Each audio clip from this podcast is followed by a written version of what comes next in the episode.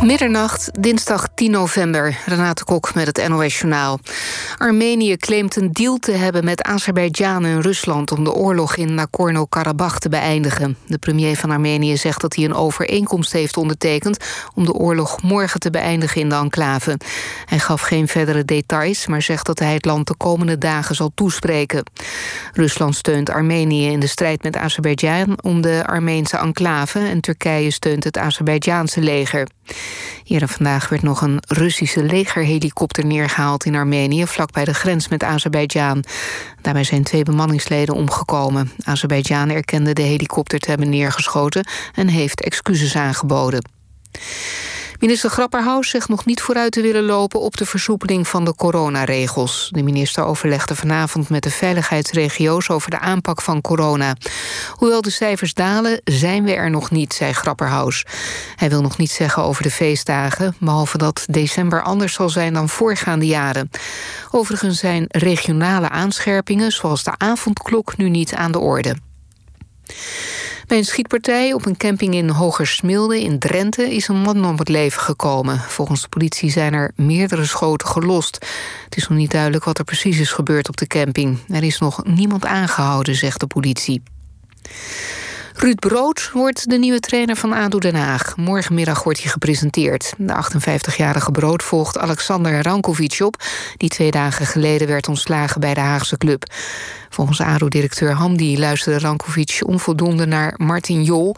die hoofd van het technisch hart is van de club. Het weer, de bewolking neemt geleidelijk toe. Op sommige plaatsen valt wat regen. En verder kan lokaal wat mist ontstaan. Het gaat afkoelen naar 5 tot 8 graden. Morgen overdag vooral in het zuidoosten wat zon. Later wat buien en ook iets minder zacht. Het wordt een graad of 10 waar de mist blijft hangen... tot 14 graden in het zuiden. Tot zover het NOS Journaal. Er is verkeersinformatie van de ANWB op de A2 Maastricht richting Eindhoven. Is tussen Oermond en Born een ongeluk met een vrachtwagen gebeurd. De weg is daar dicht. Dit was de verkeersinformatie. NPO Radio 1. VPRO. Nooit meer slapen.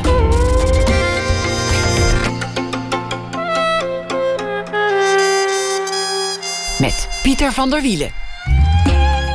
Goedenacht en welkom bij Nooit meer slapen. Schrijver Raoul de Jong is hier. Hij was pas achter in de twintig toen hij voor het eerst, althans bewust, zijn vader ontmoette. Het was een blije hereniging, maar toch zou die vader vaak lange tijd uit zijn bestaan verdwijnen. Hij besluit dan bij gebrek aan vader om dat andere wat aan de man kleeft eens uit te zoeken. Het Vaderland. Het is een boek geworden, Jaguarman, en hij trekt naar Suriname, meer specifiek naar het oerwoud, op zoek naar alles wat erbij hoort. Zijn voorouders, maar ook de literatuur van het land. Raoul de Jong is een schrijver, geboren in 1984. Begon al veel te jong met schrijven. Als tiener schreef hij al voor NRC's project Spunk. Hij schreef meerdere boeken, debuteerde op zijn 21ste. En dit is alweer zijn zevende boek. Raoul de Jong, hartelijk welkom. Wat leuk dat je gekomen bent. Ja, dankjewel. Uh, vertel, vertel, eens over, over die, uh, die vader. Zullen, zullen, we gewoon meteen met de vader beginnen? Of, of, of zullen we... Nee, laten we het gewoon doen. Wat voor beeld had je van hem toen, toen je hem nog niet echt kende als kind?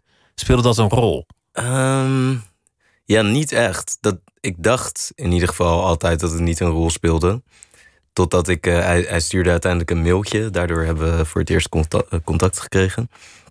Um, ja, en toen ik dat mailtje las, toen merkte ik... oh, maar wacht eens even, hier zitten dus blijkbaar wel allemaal gevoelens bij. Ik was er echt door van slag toen ik dat mailtje las. Um, ja, en uiteindelijk... Uh, wat, wat, schreef hij dan? Wat was de tekst ongeveer? Ja, het eerste mailtje was... ik ben op zoek naar mijn zoon Raoul de Jong, smiley, smiley, smiley. Uh, ja, dat was het eerste mailtje. En ik zat in Rotterdam op mijn kamertje, waar, waar ik toen woonde. En ik dacht, oh, of, dit, dit is of een grap, of het is inderdaad mijn vader. Uh, ja, en wat, wat ik eigenlijk dacht was dat als het werkelijk mijn vader was, dat hij dan dacht dat ik heel veel geld had, omdat ik wel eens in de krant stond of zo. Dat hij uit was op mijn geld, zoiets. Maar waarom dacht je dat? Ja, weet ik niet. Ik dacht. Ja, nou, weet ik niet. Ik, ik dacht dat hij. Uh, ja ik, ik snapte niet waarom die me anders na 28 jaar kon mailen, zeg maar. Want jij was toen 28 en toen kwam er een mailtje met een, zoals het nu overkomt, tamelijk lichte toon voor het moment. Ja, Ik zoek inderdaad. me maar- zo, zo'n Raoul de Jong, smiley, smiley, smiley. Ja, maar zo voelde het dus niet. Ehm, ja, en ik heb toen een mailtje teruggestuurd. Wie ben jij? Eh, en toen... Dat is een mooie vraag. Ja, inderdaad. Maar, Na 28 jaar, wie ben jij? maar ook in de zin van... Wie ben jij? Ben jij dan mijn vader? Of ben jij iemand die een grap uithaalt? Oh ja, En toen kreeg ik een eh, mailtje terug van mijn vaders vriendin. En die schreef: Ik ben je vaders vriendin. Eh, hij is op zoek naar zijn kinderen. Bel hem. En toen heb ik weer een mailtje teruggestuurd. Dat ik eigenlijk wel wilde weten waarom die ineens contact met mij zocht na zo lang. Dat ik dat wilde horen van hemzelf. En daar heb ik toen niks op gehoord, dacht ik. Eh, totdat ik zes maanden later weer in mijn e-mail ging zoeken. Ik was een vriend tegengekomen en hij zei: Je moet wel op zoek naar je vader. Je hebt maar één vader. En zoek hem gewoon op, nu het nog kan. Dus ik ben gaan zoeken in mijn e-mail. En toen bleek dat hij wel degelijk geantwoord had. Heel mooi, heel uitgebreid. en dat, had je, dat was in je, in je spamfilter terechtgekomen of in je... Ik, ik was van e-mail veranderd. Ik was naar Oh ja. Gmail gegaan. Ik had nog Hotmail. Het is Was ook een rotmedium, hè, e-mail eigenlijk. Ja, het is een rotmedium. Ja. ja. Ja, dan zit het daar ergens tussen de, de nieuwsbrieven en de aanbiedingen en de notulen. inderdaad. Ja. En toen had hij een, een, een echt mooie mail gestuurd. Dit Ja, keer. echt met zo precies de juiste woorden. Dat hij begreep dat hij niet meer mijn vader kon worden. Eh, maar dat hij toch hoopte dat we nou ja, bij elkaar konden komen. En dat hij eh, veel van me hield en altijd van me gehouden heeft. En ehm, ja, er stond weer een nummer bij en dat belde ik. En toen ik belde, trilde mijn hele lichaam. Ja, en toen voelde ik dus zo, oh, ik snap, ik snap niet waarom ik nu tril. Want ik dacht altijd dat ik hier niks bij voelde. Dat dit, niet, dat dit geen rol speelde in mijn leven. Maar blijkbaar zat, er dus toch toch, iets. ja. Ergens een soort spanning. Wat, wat, wat werd jou verteld toen je, toen je klein was over je vader? Werd er iets over verteld? Had je het daar wel eens over? Ehm, jawel, nou ja, mijn moeder vertelde hoe ze elkaar ontmoet hebben. En dat ze even met elkaar zijn geweest. Hoe hadden ze elkaar ontmoet? Eh, in een discotheek hebben ze elkaar ontmoet in Rotterdam. Eh, de Tudor Bar heette dat. Het was een eh, barretje waar ze soulmuziek draaiden. En daar kwamen veel mensen, veel, veel eh, eh, studenten van de kunstacademie.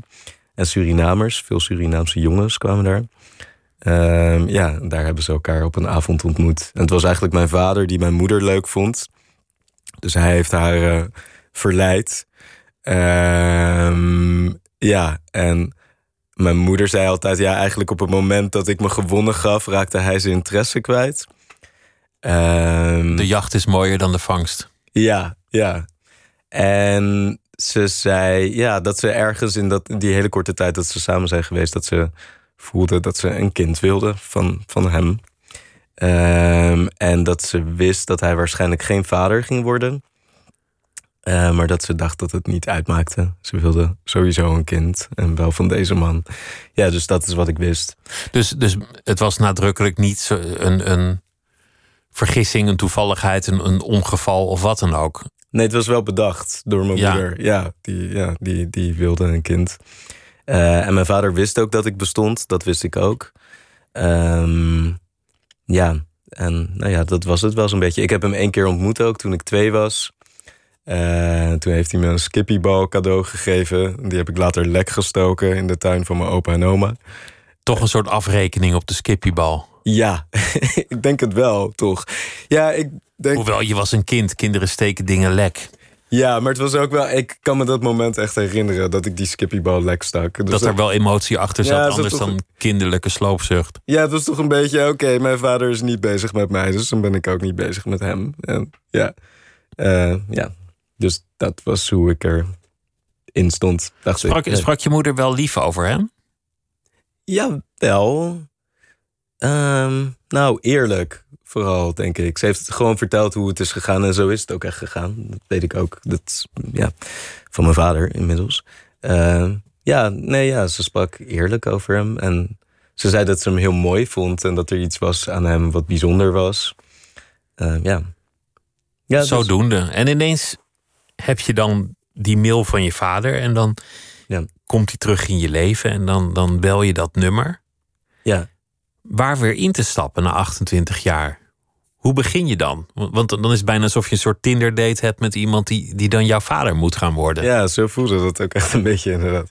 Ja, ehm, het, is grappig, want di- dit is inmiddels... eh, eh, ik was 28 toen, ik ben nu 36.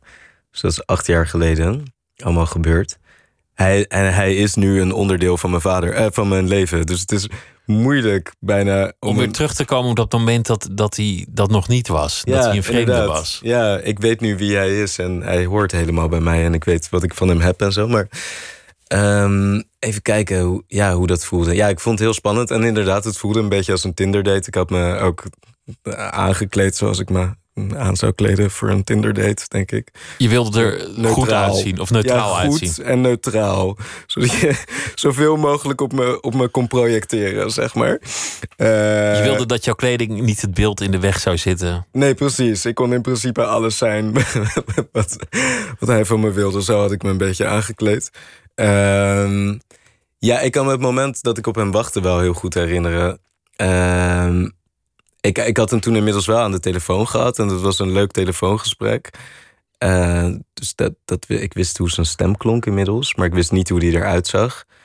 Ehm, en ik had die mail gelezen, die hele mooie mail.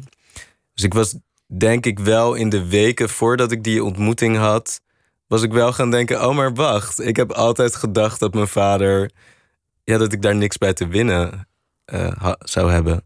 Maar misschien was die, is hij gewoon wel, ja, niet, een hele knappe man of een hele slimme man of een soort filmster of een soort, ja, iemand heel bijzonders die in één klap mijn leven een stuk makkelijker eh, zou maken.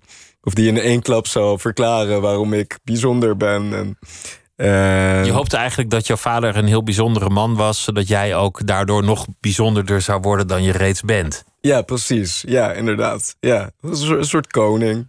Bijna opportunistische vaderliefde. Ja, ja. nou ja, je- voordat ik hem ontmoette dus. En ik kan me dat heel goed herinneren... terwijl ik op hem wachtte. We hadden op eh, eh, Amsterdam Centraal eh, afgesproken. En ja, dus alle, alle donkere mannen die langsliepen... konden in principe mijn vader zijn. Ehm, ja, en ik dacht dus, oh, misschien is hij gewoon wel heel... ja, iets, iemand, iemand heel fantastisch. En nou ja, uiteindelijk zag ik dus een man... en die leek precies op mij. En toen wist ik, oh ja, oké, hij is mijn vader.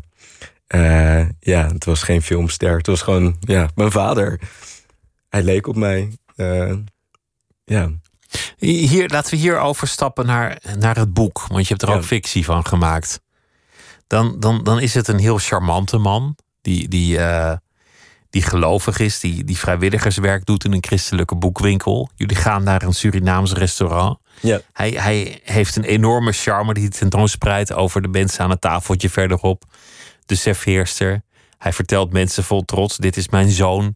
Ik heb hem net hervonden. Het is eigenlijk een moment dat, dat alles en iedereen betoverd raakt door jullie hereniging. ja, inderdaad. Ja. En, en, dat, en dat beschrijf je echt op een prachtige manier. Ja. Waardoor het vrij hard binnenkomt. En dit is misschien een spoiler, maar ik doe het toch. Want er zit zoveel in het boek dat, dat het eigenlijk onmogelijk is om dit boek te spoilen. Dan verdwijnt hij weer. Ja.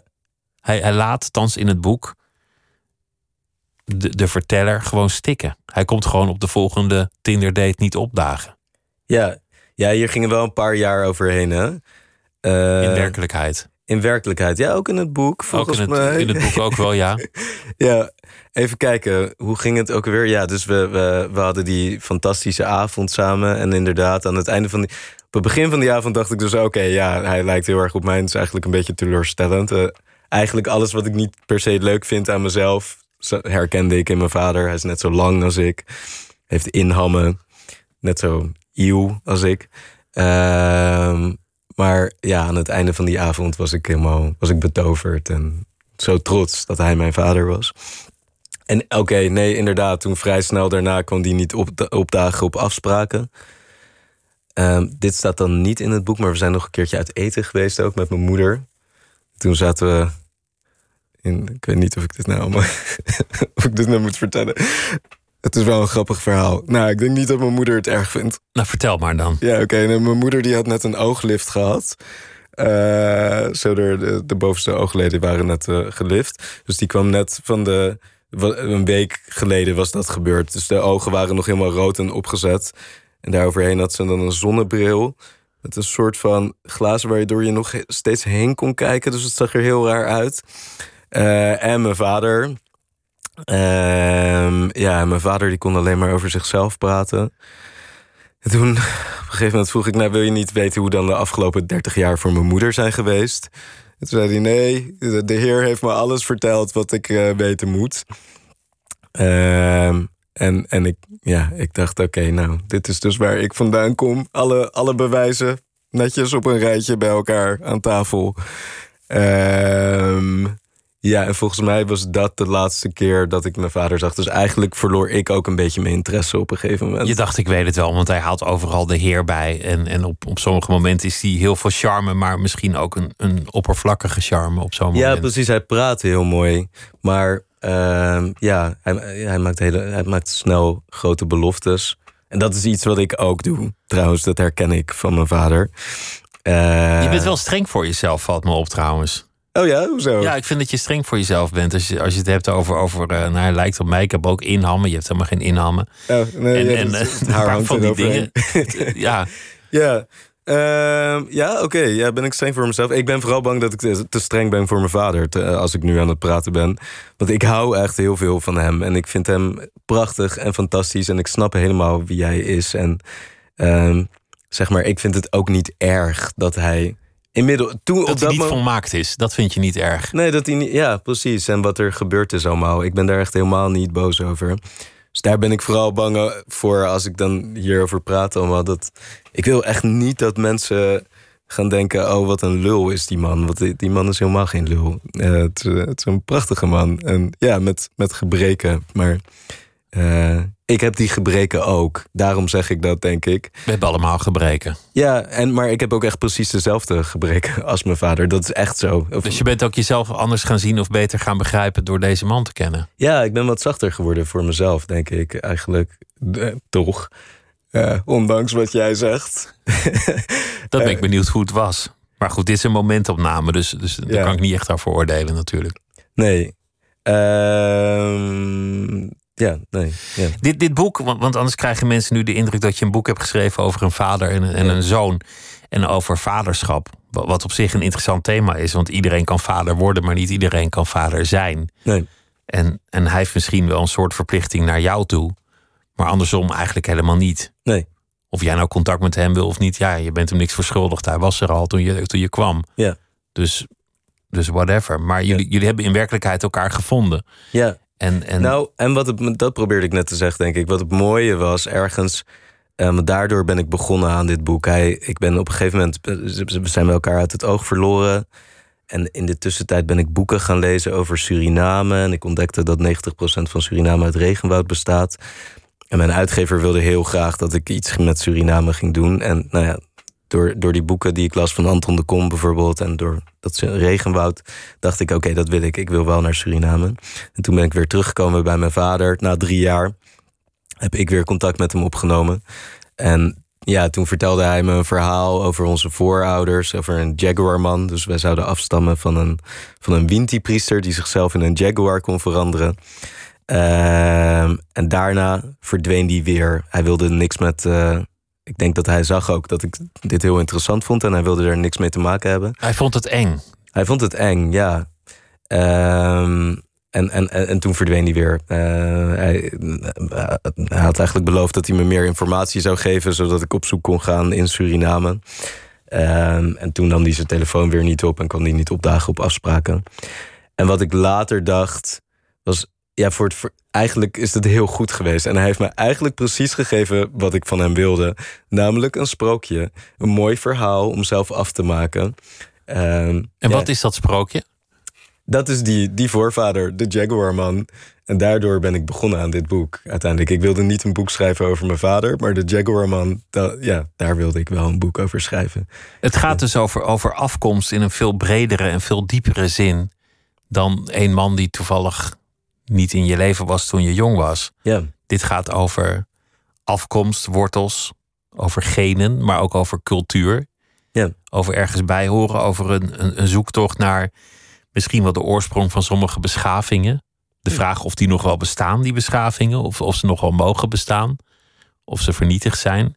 En dat allemaal, dat, dat doe je door die man, die voorouder aan te spreken, de Jaguar-man. Ja, Je richt je tot hem. ja, Zoals je dat in veel culturen zou doen. Je voorouders vereren. ja.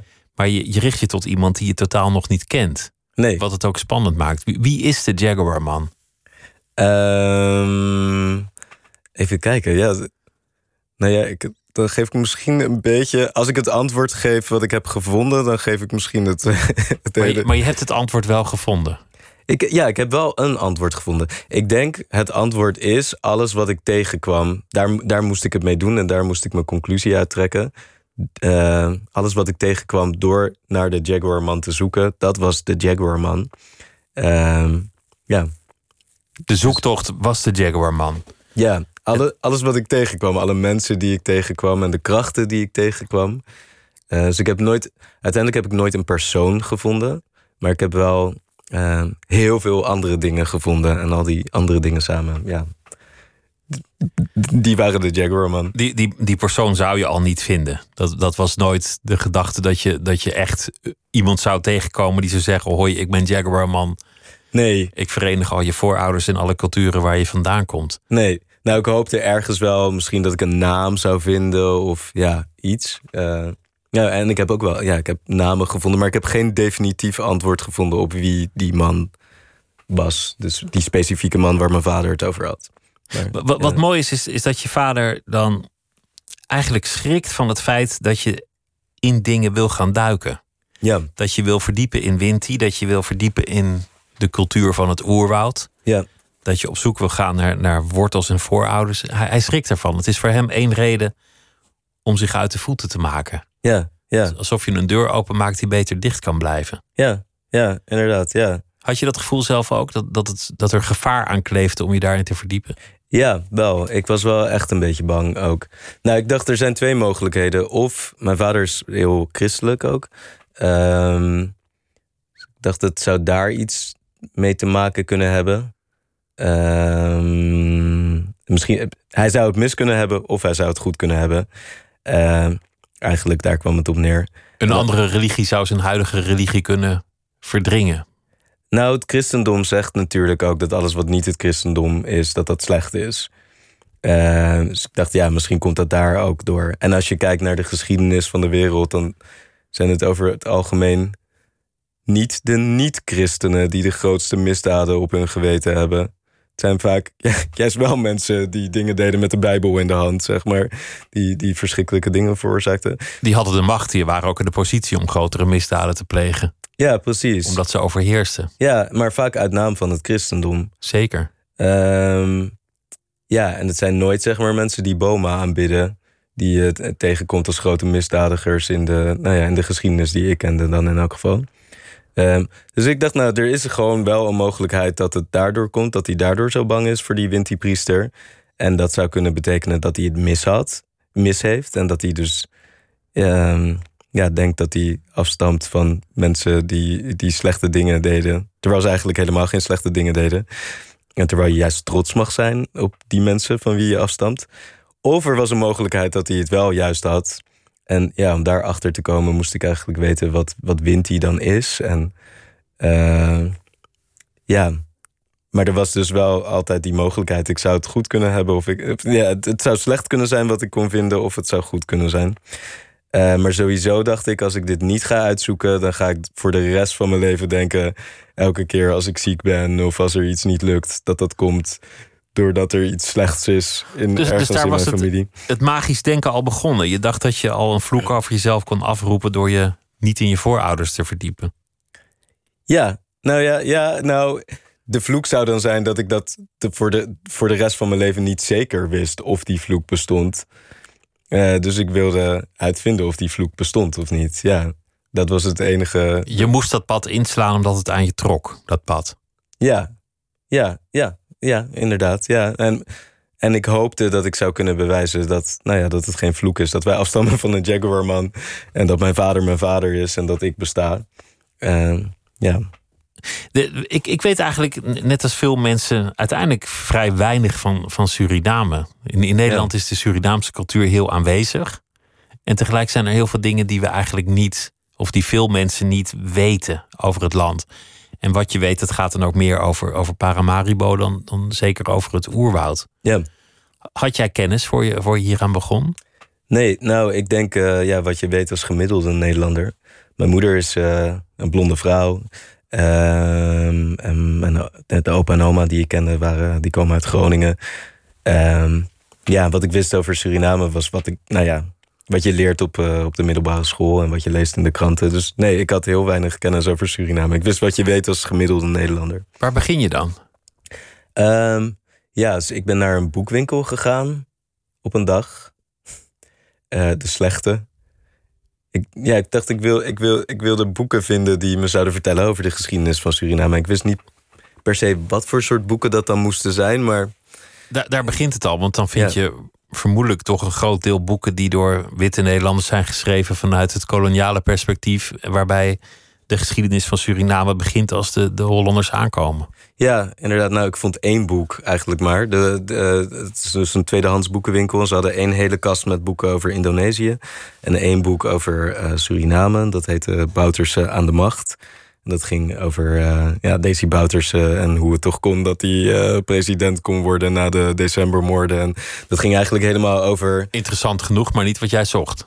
Nee, want het ging over dingen die ik eigenlijk al een beetje wist. Ik wist al wat er niet leuk was aan Suriname, want dat krijg je op de een of andere manier wel mee. Je Bouterse krijg je mee, dat weet je als Wat er niet deugt, dat hoor je wel. Ja, dat hoor je. Maar jij wilde specifiek weten wat, wat er wel mooi is en, en wel ja, deugt. inderdaad. En wat, wat ik als halve Surinamer of als halve Nederlander... of gewoon als mens zou kunnen leren van Suriname... en van, van, van, de, ja, van de mensen die daar hebben geleefd en verzet hebben gepleegd... Uh, in die verschrikkelijke geschiedenis. Uh, nou ja, dus ik ben heel lang uh, blijven zoeken. En uiteindelijk vond ik dan bij Slaven van Suriname. Dat heeft de laatste tijd natuurlijk meer aandacht. Van Anton de Kom. Ja, maar in die tijd was dat nog niet zo bekend. Dit was in 2015. 2013 heb ik dit boek gelezen voor het eerst. Um, in de wel meteen een prachtig boek. Ja, dat, nou ja, dat we, ja, inderdaad, dat is een prachtig boek. En ik sloeg dat open in de bibliotheek. Uh, ja, het voelde meteen alsof ik, uh, alsof ik mijn gids had gevonden. Alsof er direct tegen mij gesproken werd. En ja, Anton de Kom die vertelt dus over de geschiedenis van Suriname. Hij vertelt eigenlijk alles wat ik niet heb geleerd op de middelbare school. Hij vertelde hoe duister die geschiedenis was, maar hij vertelde dat er ook altijd verzet is gepleegd. Hij vertelde hoeveel die geschiedenis te maken heeft met, nou, met Nederland. Um, en telkens als hij over slaven schreef, dan zette hij daarachter tussen haken onze vaders. Um, ja, dus het, ja, dat, was alsof ik. Uh, een wonderlijke inleiding, een bijzondere inleiding in die, in die geschiedenis. Je noemt ook Winti. Ja. De, de, dat, is, dat is natuurlijk op zich alweer een hele, hele geschiedenis. Wat is Winti? Wat, wat ben je daarover te weten gekomen? Um, even kijken. Ja, dat is waar, waar, komt het vandaan? Waar is het ontstaan? Oké, okay, nou, het is een uh, gebaseerd op Afrikaanse religies. Uh, de Winti, Winti is zeg maar naam voor het geloof. En het is ook de naam voor uh, ja, een soort geesten, engelen, is niet echt een, een, hele goede vertaling in het Nederlands van wat Winti is, maar of goden zou je kunnen zeggen. Um, en dat zijn, nou, als ik zeg goden, dan zijn het de goden die met Afrikanen mee zijn gekomen op slavenschepen over de oceaan. Naar onder andere Suriname, maar ook naar uh, Haiti en uh, Noord-Amerika en Brazilië. En nou ja, overal waar slavernij was en waar Afrikanen terechtkwamen door slavernij, zijn die goden meegekomen met de mensen. Um, en uh, ja, dus dat zijn de, de wezens. En Winti is dan de naam die gegeven is aan Suriname, aan die wezens en aan het geloof wat die, wat die goden vereert. En in uh, Haiti heet het voodoo. In uh, Amerika heet het voodoo. In Brazilië heet het geloof ik Santeria. Uh, dat geloof. Maar het zijn eigenlijk altijd dezelfde goden. Afrikaanse goden, ja. Het, het, is een, het is een enorm interessante geschiedenis. Want het is de, de grootste gedwongen migratie uit, uit de geschiedenis van, van de mensheid. Ja. Er zijn allemaal mensen uit elkaar gerukt.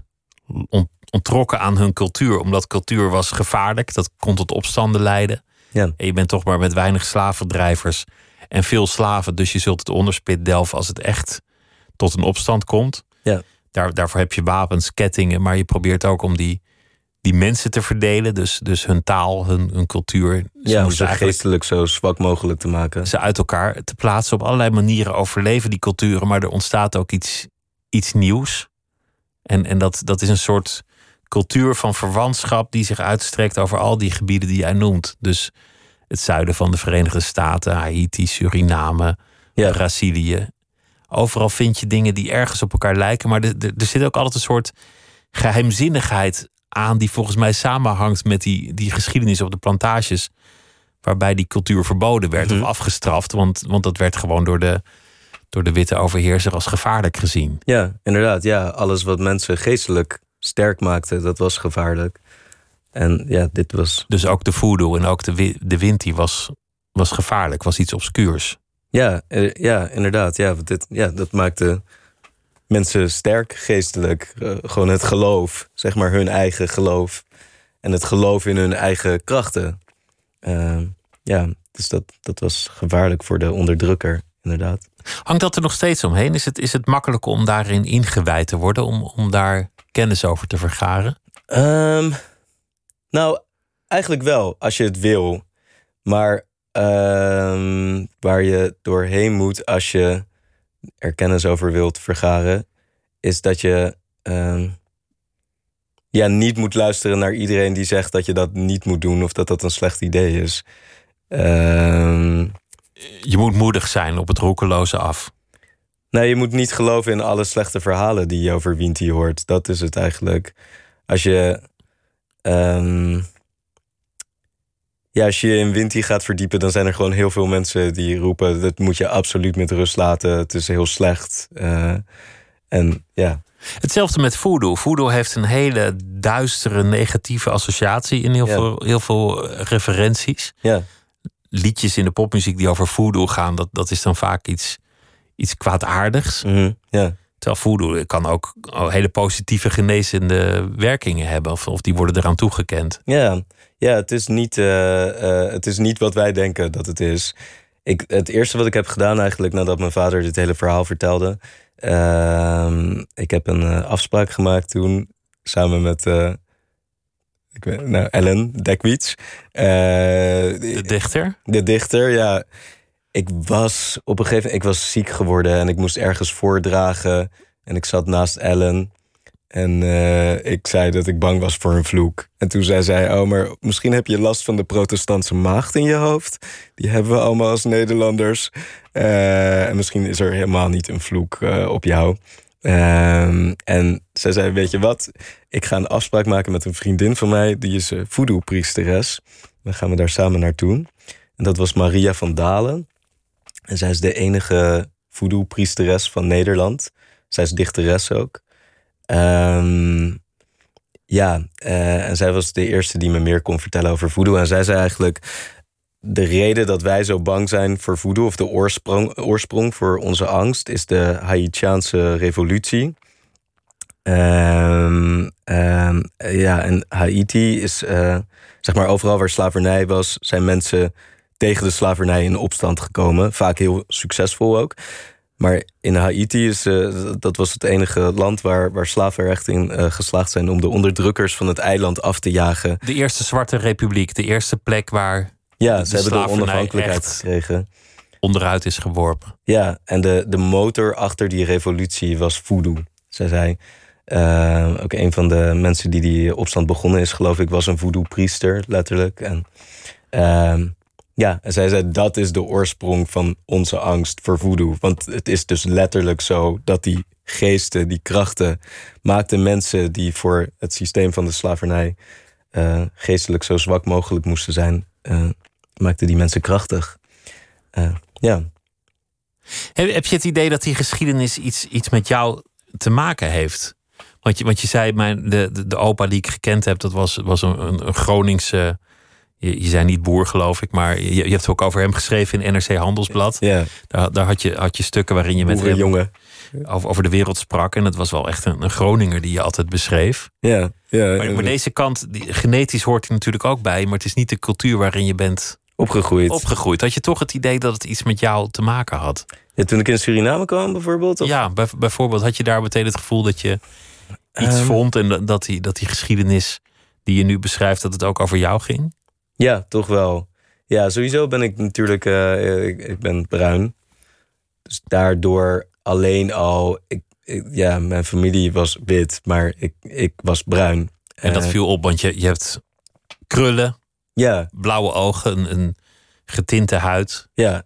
Dus daardoor, daar, da- ja, daardoor alleen al krijg je soms bepaalde reacties. Of het is gewoon iets waar je, waar je iets mee moet. Ehm, en ja, iedereen die niet deze huidskleur heeft, die, die hoeft dat niet.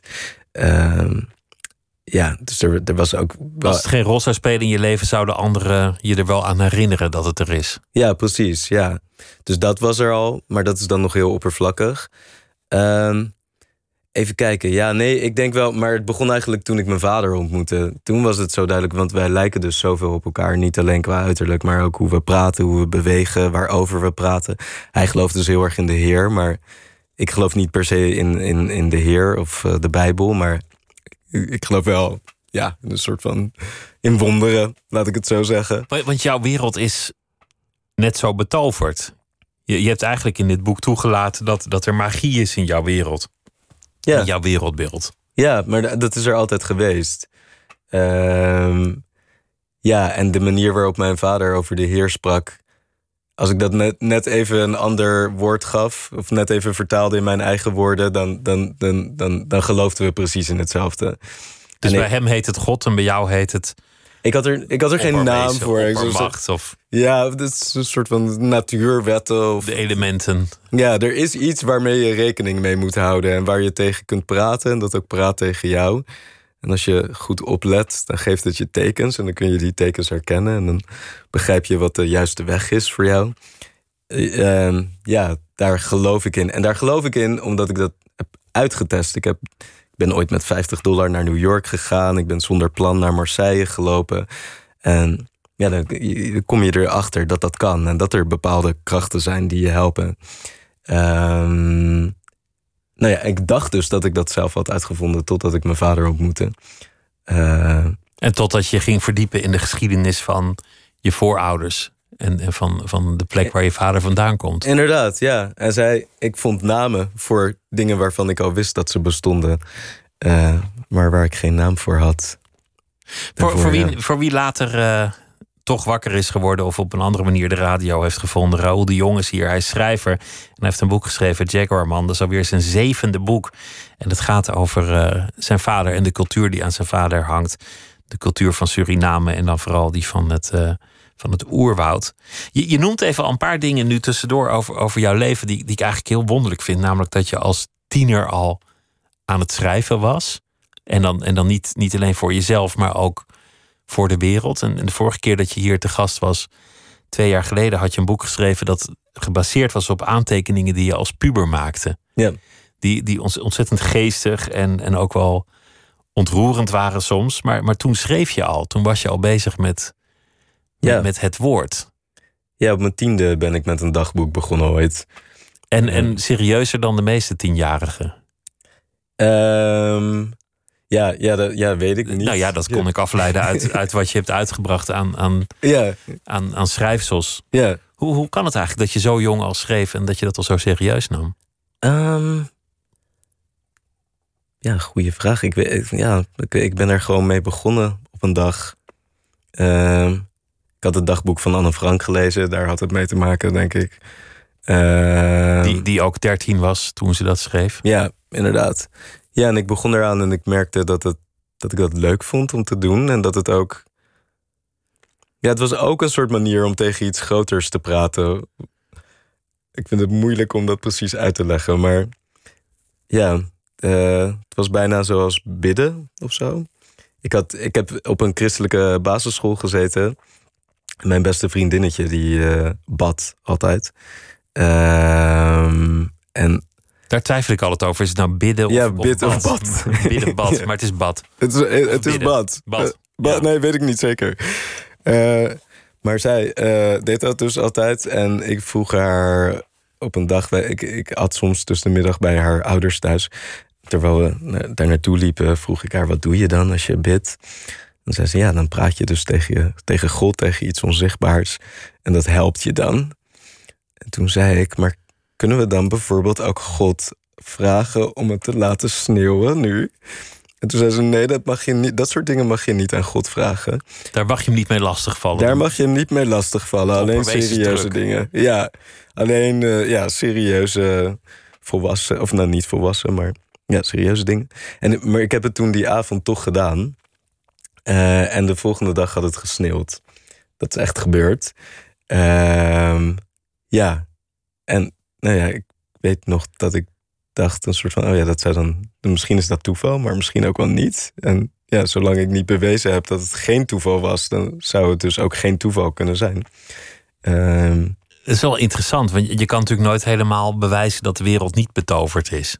Nee, inderdaad. Nee. Ik bedoel, dan moet, je, dan moet je denk ik ook meteen het grote verband der dingen volledig verklaren en ook een soort, uh, soort antwoord op het oerraadsel hebben. Ja, ja precies. Je, je, kunt zeggen, alles is rationeel verklaarbaar, maar we zijn er nog niet. We moeten doorploeteren en op een dag zal er een antwoord komen. Ja. Of je kan gewoon zeggen, nee, het is uiteindelijk gewoon betoverd wat het ook verder is. Ja, inderdaad. hoe vager je dat houdt, hoe, hoe langer je dat kan volhouden.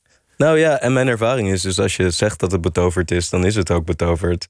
En dan wordt het dat is de magie, ja, dat is dus als toveren. Je kunt was je moeder gelovig? Ben je, ben je gelovig opgevoed? Nee, nou haar ouders kwamen dus uit Groningen. Mijn opa en oma, die waren echt helemaal niet gelovig. Mijn moeder was een beetje een reactie daarop. Die was dan, ja, die deed van die New Age cursussen, intuïtieve ontwikkeling en zo. Dus ze ging niet naar de kerk, maar ze was wel ja, met dat soort dingen bezig. Want je moeder had wel moed, omdat ze zei: Ik voel dat ik een kind wil van deze man. En dan deed ze dat. Ja. dus ze, had wel het lef om het, om het ongebaande pad in te gaan. Ja, ja. Inderdaad, om, niet te kiezen voor wat haar familie verwachtte of wat anderen misschien als mening zouden hebben. Ja, wat fantastisch is. En waardoor, waardoor jij hier bent. Waardoor ik besta. Dus ja, het heeft mooi uitgepakt. Ja, ja precies. Ja. Je, je vertelde dat je, dat je heel jong naar New York ging. Met, met een relatief klein bedrag dat je had gewonnen met, ik geloof, een schrijfwedstrijd. En dat je toen, toen een beetje nog een belastingdingetje had of zoiets. En toen je eenmaal aankwam, had je nog 50 dollar te besteden. Ja. En verder niet echt een plan. Nee. Hallo New York, hier ben ik. Ja. Dat, dat is hetzelfde soort moed. Ja, ja, inderdaad. Ja. En het, grappige is dan, dus als je dat doet, dan zegt iedereen: Dit is echt een heel slecht idee en dit gaat heel slecht aflopen. De, de mensen met de beide benen op de aarde en een voet in de klei, bij wie verder nooit wat gebeurt. Ja, inderdaad. Ja, dat is bijna ja, gewoon 90% van de mensen, zeg maar. Uh, om mij heen op dat moment, in elk geval, laat ik het zo zeggen. Uh, nou, en het tegenovergestelde gebeurde. Het is een van de beste dingen die ik ooit heb gedaan. Het is niet zo dat als je in het diepe springt, dat er dan gewoon helemaal niks is. Uh, het is meer alsof je ja, een soort van in een zee springt. En dan zijn er golven en daar geef je je aan over. En dan en, gebeuren en, allemaal leuke nou dingen. maak het nou eens heel concreet, want je komt aan in New York.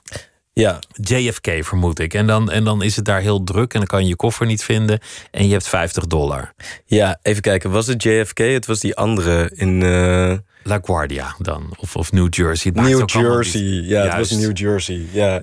Dan, dan, dan kom je daar aan, nog steeds overweldigend. Iedereen schreeuwt tegen je. Je staat anderhalf uur in de rij en dan kom je het land in. Je hebt, je hebt 50 dollar. Dat is. Uh, ja. Dat, dat, ja, één keer lunchen, denk ik, of zo, ja. toch? Het is ook niet per se leuk. Ik was niet per se blij dat ik maar 50 dollar had. Het was een samenloop van omstandigheden. um, ja, dus ik kwam daar aan en toen, nou, 50 dollar, ik moest naar de stad. Ik weet, ik heb ooit lang geleden wel een biografie, lang voordat ik naar New York uh, vertrok, van, uh, heb ik ooit een biografie gelezen van Madonna. Die is ook ooit met 50 dollar naar New York gegaan. Is toen in een taxi gestapt. En die zei tegen de taxichauffeur: Bring me to the center of everything. Uh, maar dat kon niet meer in 2005 van 50 dollar. En nou helemaal niet. Van, niet naar het centrum van alles, voor, want dat kostte inmiddels 100 dollar. Ja, inderdaad, vanaf New Jersey. Dus ik kom met de bus. Um, ja, dus ik ging met de bus en toen stapte ik uit. Toen was ik bij Times Square. Um, en daar had ik afgesproken met een vriendin van een vriendin. En daar, uh, ik zou een week lang bij haar kunnen blijven slapen. Um, ja, dus we hebben die, ik weet niet meer hoeveel dat kaartje kostte van de bus. We hebben die avond één biertje gedronken en toen was mijn geld op. Eh, ja. En toen? en toen. ehm, zij had een fiets. Die heb ik de dag daarna geleend. Toen ben ik naar de stad gefietst om werk te vinden. Dat lukte niet, want ik had geen green card. Mijn computer ging ook nog stuk. Nee, het was verschrikkelijk eigenlijk. Die eerste week was verschrikkelijk. En ik kon er dus maar een week blijven. Eh, dus aan het einde van die week had ik nog steeds geen, eh, geen werk gevonden. Ik kon een beetje geld van haar lenen. Ehm, en ik moest dus weg bij haar. Eh, dus ik ben toen uitgegaan met dat geld wat ik van haar geleend had. En tijdens het uitgaan ontmoette ik een man. En die zei: Oh ja, kom maar bij mij slapen. Ik heb een heel groot huis in Brooklyn Heights. Eh, dus daar heb ik toen geslapen die nacht. Maar die man die wilde eigenlijk, eh, ja, die had andere plannen met mij. Dus toen de volgende ochtend ben ik heel vroeg opgestaan. Toen heb ik iedereen die ik in Nederland kende gemaild. eh, of zij mensen in New York kenden bij wie ik zou kunnen blijven slapen. En één iemand mailde terug. Ehm, met, met een nummer van een agent, een literair agent. Dus daar kon ik meteen die middag langs. En die literair agent zei: Weet je wat, kom maar bij eh, mij en mijn vriend slapen. We hebben nog een kamertje. En zij hadden twee honden. Eh, en die hadden nog een oppas nodig. Dus ze zeiden: Ja, je kan gratis bij ons slapen. In ruil voor eh, het oppassen op onze honden. En zo vond je langzaam je weg. Maar, maar Ja. je zei, het is, het is een van de beste ervaringen van mijn leven geworden. Ja, Je hebt Madonna, die je, die je citeerde, die heb je ook ontmoet. ja inderdaad. Ja. Hoe, hoe gaat dat? Waar, Zie- zien optreden. Oh, zien optreden. Oh, je hebt er niet, ik, ik, ik, het was alweer mooier geworden. Ik dacht, ik dacht dat je, dat je, hey, hoi, ik ben Raoul. Hey, hoi, ik ja, ben nee, Madonna. eh, Nee. wel bijna. Het was in een club. Het was een heel klein optreden. Ze had net een nieuw album uit. Ehm, ja, ze stond op een podiumpje. En je kon heel dichtbij komen. Maar ik stond toevallig net aan de bar een biertje te bestellen... toen zij op dat podium verscheen. En ja, binnen vijf seconden was de hele... Dus iedereen in die ruimte stond voor dat podium. Eh, dus ik heb mezelf nog wel een beetje naar voren kunnen dringen. En de jongen die voor mij stond, werd op het podium eh, gevraagd om te komen dansen met Madonna. Eh, dus zo dichtbij was het wel. Ja, dus dat is gebeurd. Ehm, en ik heb mijn vriend ontmoet uiteindelijk op Oud en Nieuw. Die, die nog steeds je vriend is. Ja, inderdaad. Ja, 14 de- jaar geleden is dit inmiddels.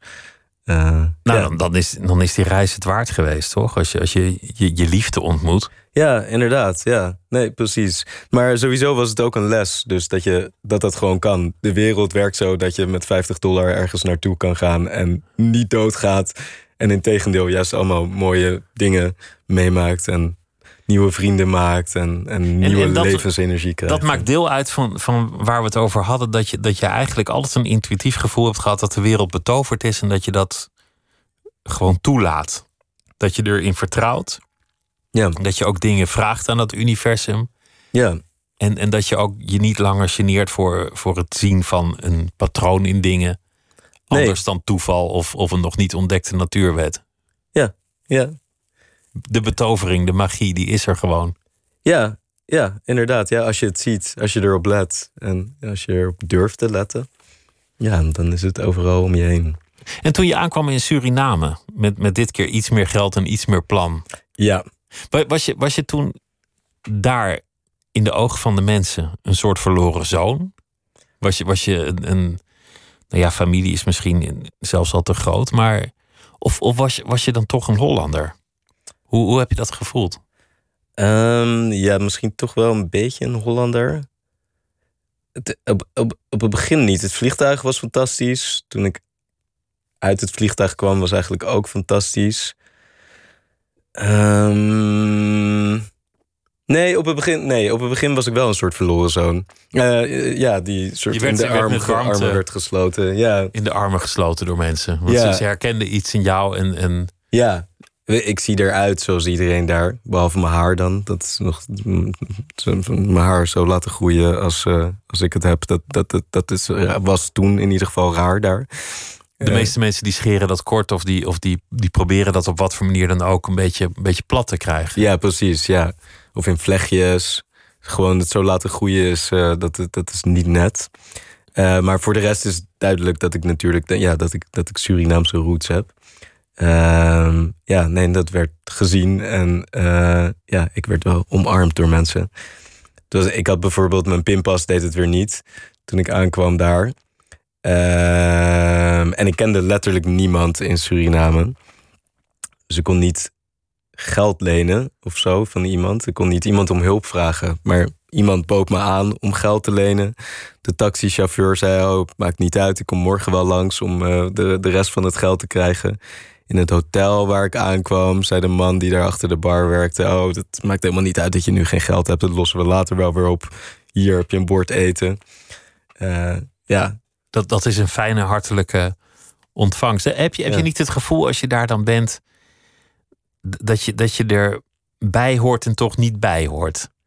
Dat je, dat je op sommige momenten ineens niet meer mee kan praten. Dat je misschien zelfs door de mand kan vallen omdat je bepaalde kennis ontbreekt.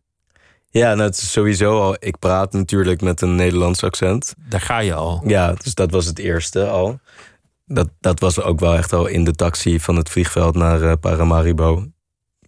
Merkte ik hoe hard mijn Nederlands en hoe bekakt mijn Nederlands klinkt. Ehm ja, nee, ja, ja, nee, ja, ja, ja, nee, ik ben, ik ben wel Nederlands op veel manieren. Um, ja, en soms gaf dat ook wel problemen. Uh, zeg maar, wat in Suriname niet echt heel gebruikelijk is, is om ja, direct de dingen te vragen die je wilt weten. Daar schrikken mensen een beetje van. En, uh, dat noemen ze vrijpostig, heet dat. Want bakkeraars hebben altijd haast. Die zijn altijd aan het werk. Die gaan altijd op een doel af. Ja, precies. Ja, inderdaad. Ja, gefocust, straight to the point. En dat werkt niet helemaal in Suriname. Dus dat is wel iets, ja, dat moest ik leren om. Uh, ik moest leren om een vraag op een andere manier te stellen. Ik moest ook wel leren om op een andere manier te lopen, om een tempo te vertragen. Uh, ja, want het is warm, dus, dus je gaat niet jezelf ook nog eens onnodig opjagen. Dat, dat, is, dat is volgens mij niet iets wat je, wat je in, in veel plekken op de wereld van nature zal doen als je er langer bent. Nee, precies. Ja, inderdaad. Maar wij als Nederlanders doen dat wel als we naar Suriname gaan. Dat zie je ook. Je ziet het gewoon fysiek aan mensen. Ja, een soort van in rechte lijnen lopen Nederlanders door Paramaribo met gefronste wenkbrauwen, hangende mondhoeken, zwetend. Ja, uh, Surinamers die, die lopen langzamer. Die, het, is meer, het is niet alsof ze op weg zijn naar hun doelen, maar meer alsof ze ja, een soort van in interactie zijn met gewoon de elementen. Uh, ja. Je, je ging op zoek naar een, een kant van jouw geschiedenis. En dat is de, de geschiedenis van, van het oerwoud, de geschiedenis van, van de Winti, uh, van, van de slavernij. Daar kom je ook vanzelf bij uit. Van de plantages, van, van de vrijgemaakt en hoe die een weg vinden. Al die dingen, daar, daar, daar kom je langs in je, in je boek. En ergens zit daar toch de vraag onder: wie ben ik zelf? Wat, wat heeft dit met mij te, maken? Maar, maar volgens mij is het juist mooi als je dat, als je dat niet al te strak definieert. Hmm. volgens mij is het juist mooi als je, als je dat ergens aanraakt, maar dat je gewoon ook erkent dat, dat je uit heel veel elementen bestaat. Oh ja dat, ja, dat zeker. Dat is een van de boodschappen ook wel van het boek, denk ik. Ja, kijk, ik heb het boek geschreven. Er waren een aantal dingen die ik wilde met het boek. En, en ik heb een aantal technieken gebruikt om dat te, zo te krijgen. Ik wilde een boek schrijven waar dat zou gaan over de slavernij. Dat de duisternis van die slavernij, van die, die geschiedenis in het gezicht zou kijken, maar dat toch uit zou komen bij, bij het licht. Um, ik wilde die stemmen van al die schrijvers die voor mij kwamen, die wilde ik laten praten. Die fantastische schrijvers die je, die je aanhaalt uit Suriname. Zoals Anton de Kom. Ja, wat en er zijn er meer, Helman eh, noem je, en, en, en, nog een paar. Ja, ja er, zijn, er zijn zoveel schrijvers en wij kennen ze allemaal niet. Zoveel Surinaamse schrijvers die wij allemaal niet kennen. En dat zijn gewoon onze James Baldwins en, en, en Maya Angelou's. En, uh, dus ik wilde die mensen een tempel geven in dit boek. Uh, ik wilde hun laten praten. Dus dat was een van de dingen die ik wilde doen. Uh, ja, en ik wilde dat het verhaal, dat dit alles, dat deze twee dingen eigenlijk, dat je die zou lezen omdat je ze wil lezen. Dus ik wilde de lezer verleiden om dit allemaal tot zich te nemen, die duistere geschiedenis en die schrijvers, omdat ze het wilden en niet omdat het moest. Ja, en daarvoor heb ik dus een soort van heb ik het gegoten in een, in een sprookje, in een spannend verhaal. Uh, ja. Want het is, het is ook inderdaad een, een sprookje. Het is een, een boek vol betovering. Als je, als je leest over, over slavernij, is dat vaak, en natuurlijk met reden, duister, Ja. naar. Het, het is, een- het is een geschiedenis vol pijn, verdriet. Boeken over slavernij die, die wekken vaak woede en verontwaardiging. En, en natuurlijk allemaal met reden. Maar, maar wat, je- wat je ook kunt, kunt zoeken in die geschiedenis, en wat ik bij jou ook wel vind, is, is trots. Er zijn natuurlijk ook verhalen van verzet Ja. en, en van, van het overkomen van, van, eh, van Ja. die geschiedenis. Nou zijn natuurlijk helden geweest. ja nou, eh, je zou ergens kunnen zeggen dat al die mensen helden waren. Al die mensen die het hebben overleefd. Dat, ja, dat was dus ook een van de dingen die ik dacht toen ik uitvond hoe duister die geschiedenis was. Maar ik besta wel. En ik besta omdat mensen dus op de een of andere manier hebben overleefd. Dus in die geschiedenis moet ook Ja, Eh. voorouders moeten sterk zijn geweest, anders was jij er niet. Ja, er moet een enorme levenskracht te vinden zijn ook in die geschiedenis. Eh, en ja, en licht ook. Anders hadden die mensen het niet overleefd. En daar gaat het nooit over. En, nou ja, dat wilde ik weten. Wat was die levenskracht? En, en is dat dan misschien ook de kracht van de Jaguar? Ja. Is de kracht van de Jaguar niet datgene dat zorgt dat, dat mensen hebben overleefd, ondanks die gedwongen migratie en die vernedering en uitbuiting? Precies, van de slavernij en alles wat daarna nog zou komen. Ja, dat was. Ja. Er, wa- was eerder dit jaar, toen, toen het ging over het omvertrekken van standbeelden, Mm. eh, wa- was er ineens ook aandacht voor de andere kant, namelijk welke standbeelden er bestaan in heel veel landen in de wereld voor juist de mensen die verzet hebben geleid. En, en dat, dat waren allemaal geschiedenissen die, die nauwelijks verteld worden, althans niet hier. Althans, Mij zijn ze nooit verteld Nee. over, over juist wat jij vertelt, het heldendom. Ja, ja. Nee, er zijn zulke fantastische mensen te vinden in die geschiedenis. Bijvoorbeeld eentje waar, waar ik echt dol op ben, is de eh, Nanny of the Maroons. Het zei dat was in Jamaica, een vrouw die ehm, uit Afrika is gekomen. Ik weet even niet meer welk land, waar zij, nou- waar zij nou precies vandaan kwam. Maar eh, er wordt gezegd dat zij expres zichzelf heeft laten ontvoeren. eh, zodat ze in eh, Jamaica eh, stamgenoten kon bevrijden uit de slavernij. Zij heeft een dorp opgericht. Ze is ontsnapt van de plantage waar ze te werk werd gesteld. De bergen ingevlucht, daar heeft ze een dorp opgericht, Nanny Town. En vanuit daar bevrijden ze dan anderen tot slaafgemaakte. Ze, eh, uiteindelijk hadden ze een leger van duizenden mensen. En ja, zij, zij is een fantastische vrouw, een, een fantastisch personage dat dus werkelijk heeft geleefd en dat enorme dingen heeft gedaan. Eh, ja, en dat is geweldig dat dat soort mensen bestaan hebben. Eh, ja. En, en in het oerwoud, daar woonden ook de mensen die vaak ontsnapt waren of, of gevlucht waren voor, voor de, de plantages ja, ja, in, in Suriname. Suriname. Ja, in Suriname inderdaad ontsnapten ze het oerwoud in. De Marons worden ze dan genoemd tegenwoordig. Ehm, ja, en daar stichten ze hun eigen dorpen. Ehm, ja, en nou ja, in Suriname gebeurde dat ook inderdaad. Vanuit die dorpen eh bevrijden ze dan anderen tot slaafgemaakte van de plantages. Eh, en voerden ze leger tegen. Wat je, wat je beschrijft, je beschrijft zo'n moment dat jullie, dat jullie varen en dat, dat een vrouw jullie toeroept van... eh hey, het is, het is geen pretpark of het is geen dierentuin. Je, je geen foto's van me maken. Uh-huh. Eh, opdonderen. Ja, Dat, dat als het ware dat verzet nog, nog bijna tot uitdrukking komt... of bijna de, de symboliek daarvan. ja, ja. ja. ja dat jullie is hebben hier niks te zoeken. Ja. ja, dat was dus een vrouw die afstamt van mensen die zijn ontsnapt van de plantages en die honderden jaren ehm, ja, zonder onderdrukker vrij in het oerwoud hebben geleefd. Ehm, en eh, ja, zij leven ja, nog steeds onder hun eigen regels, hun eigen wetten, met hun eigen goden. Ehm, ja. En Veel, veel te beleven in het eh, boek Jaguar Man van eh Raoul de Jong. Dankjewel dat je langs wilde komen. Ik, ik wens je heel veel succes met, met, met het schrijven en met eh, alle avonturen die, eh, die gaan eh, gebeuren. En mogen de elementen met je zijn. Raoul, dankjewel dat je langs wilde komen. Dankjewel. En dit was Nooit meer slapen voor eh, vannacht. Zometeen mis Podcast met Misha Blok. En morgen dan zijn wij er weer. Een hele goede nacht. Tot morgen.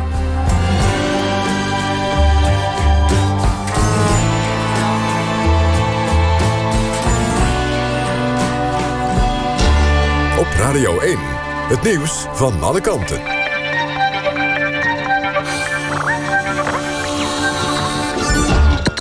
NPO Radio 1.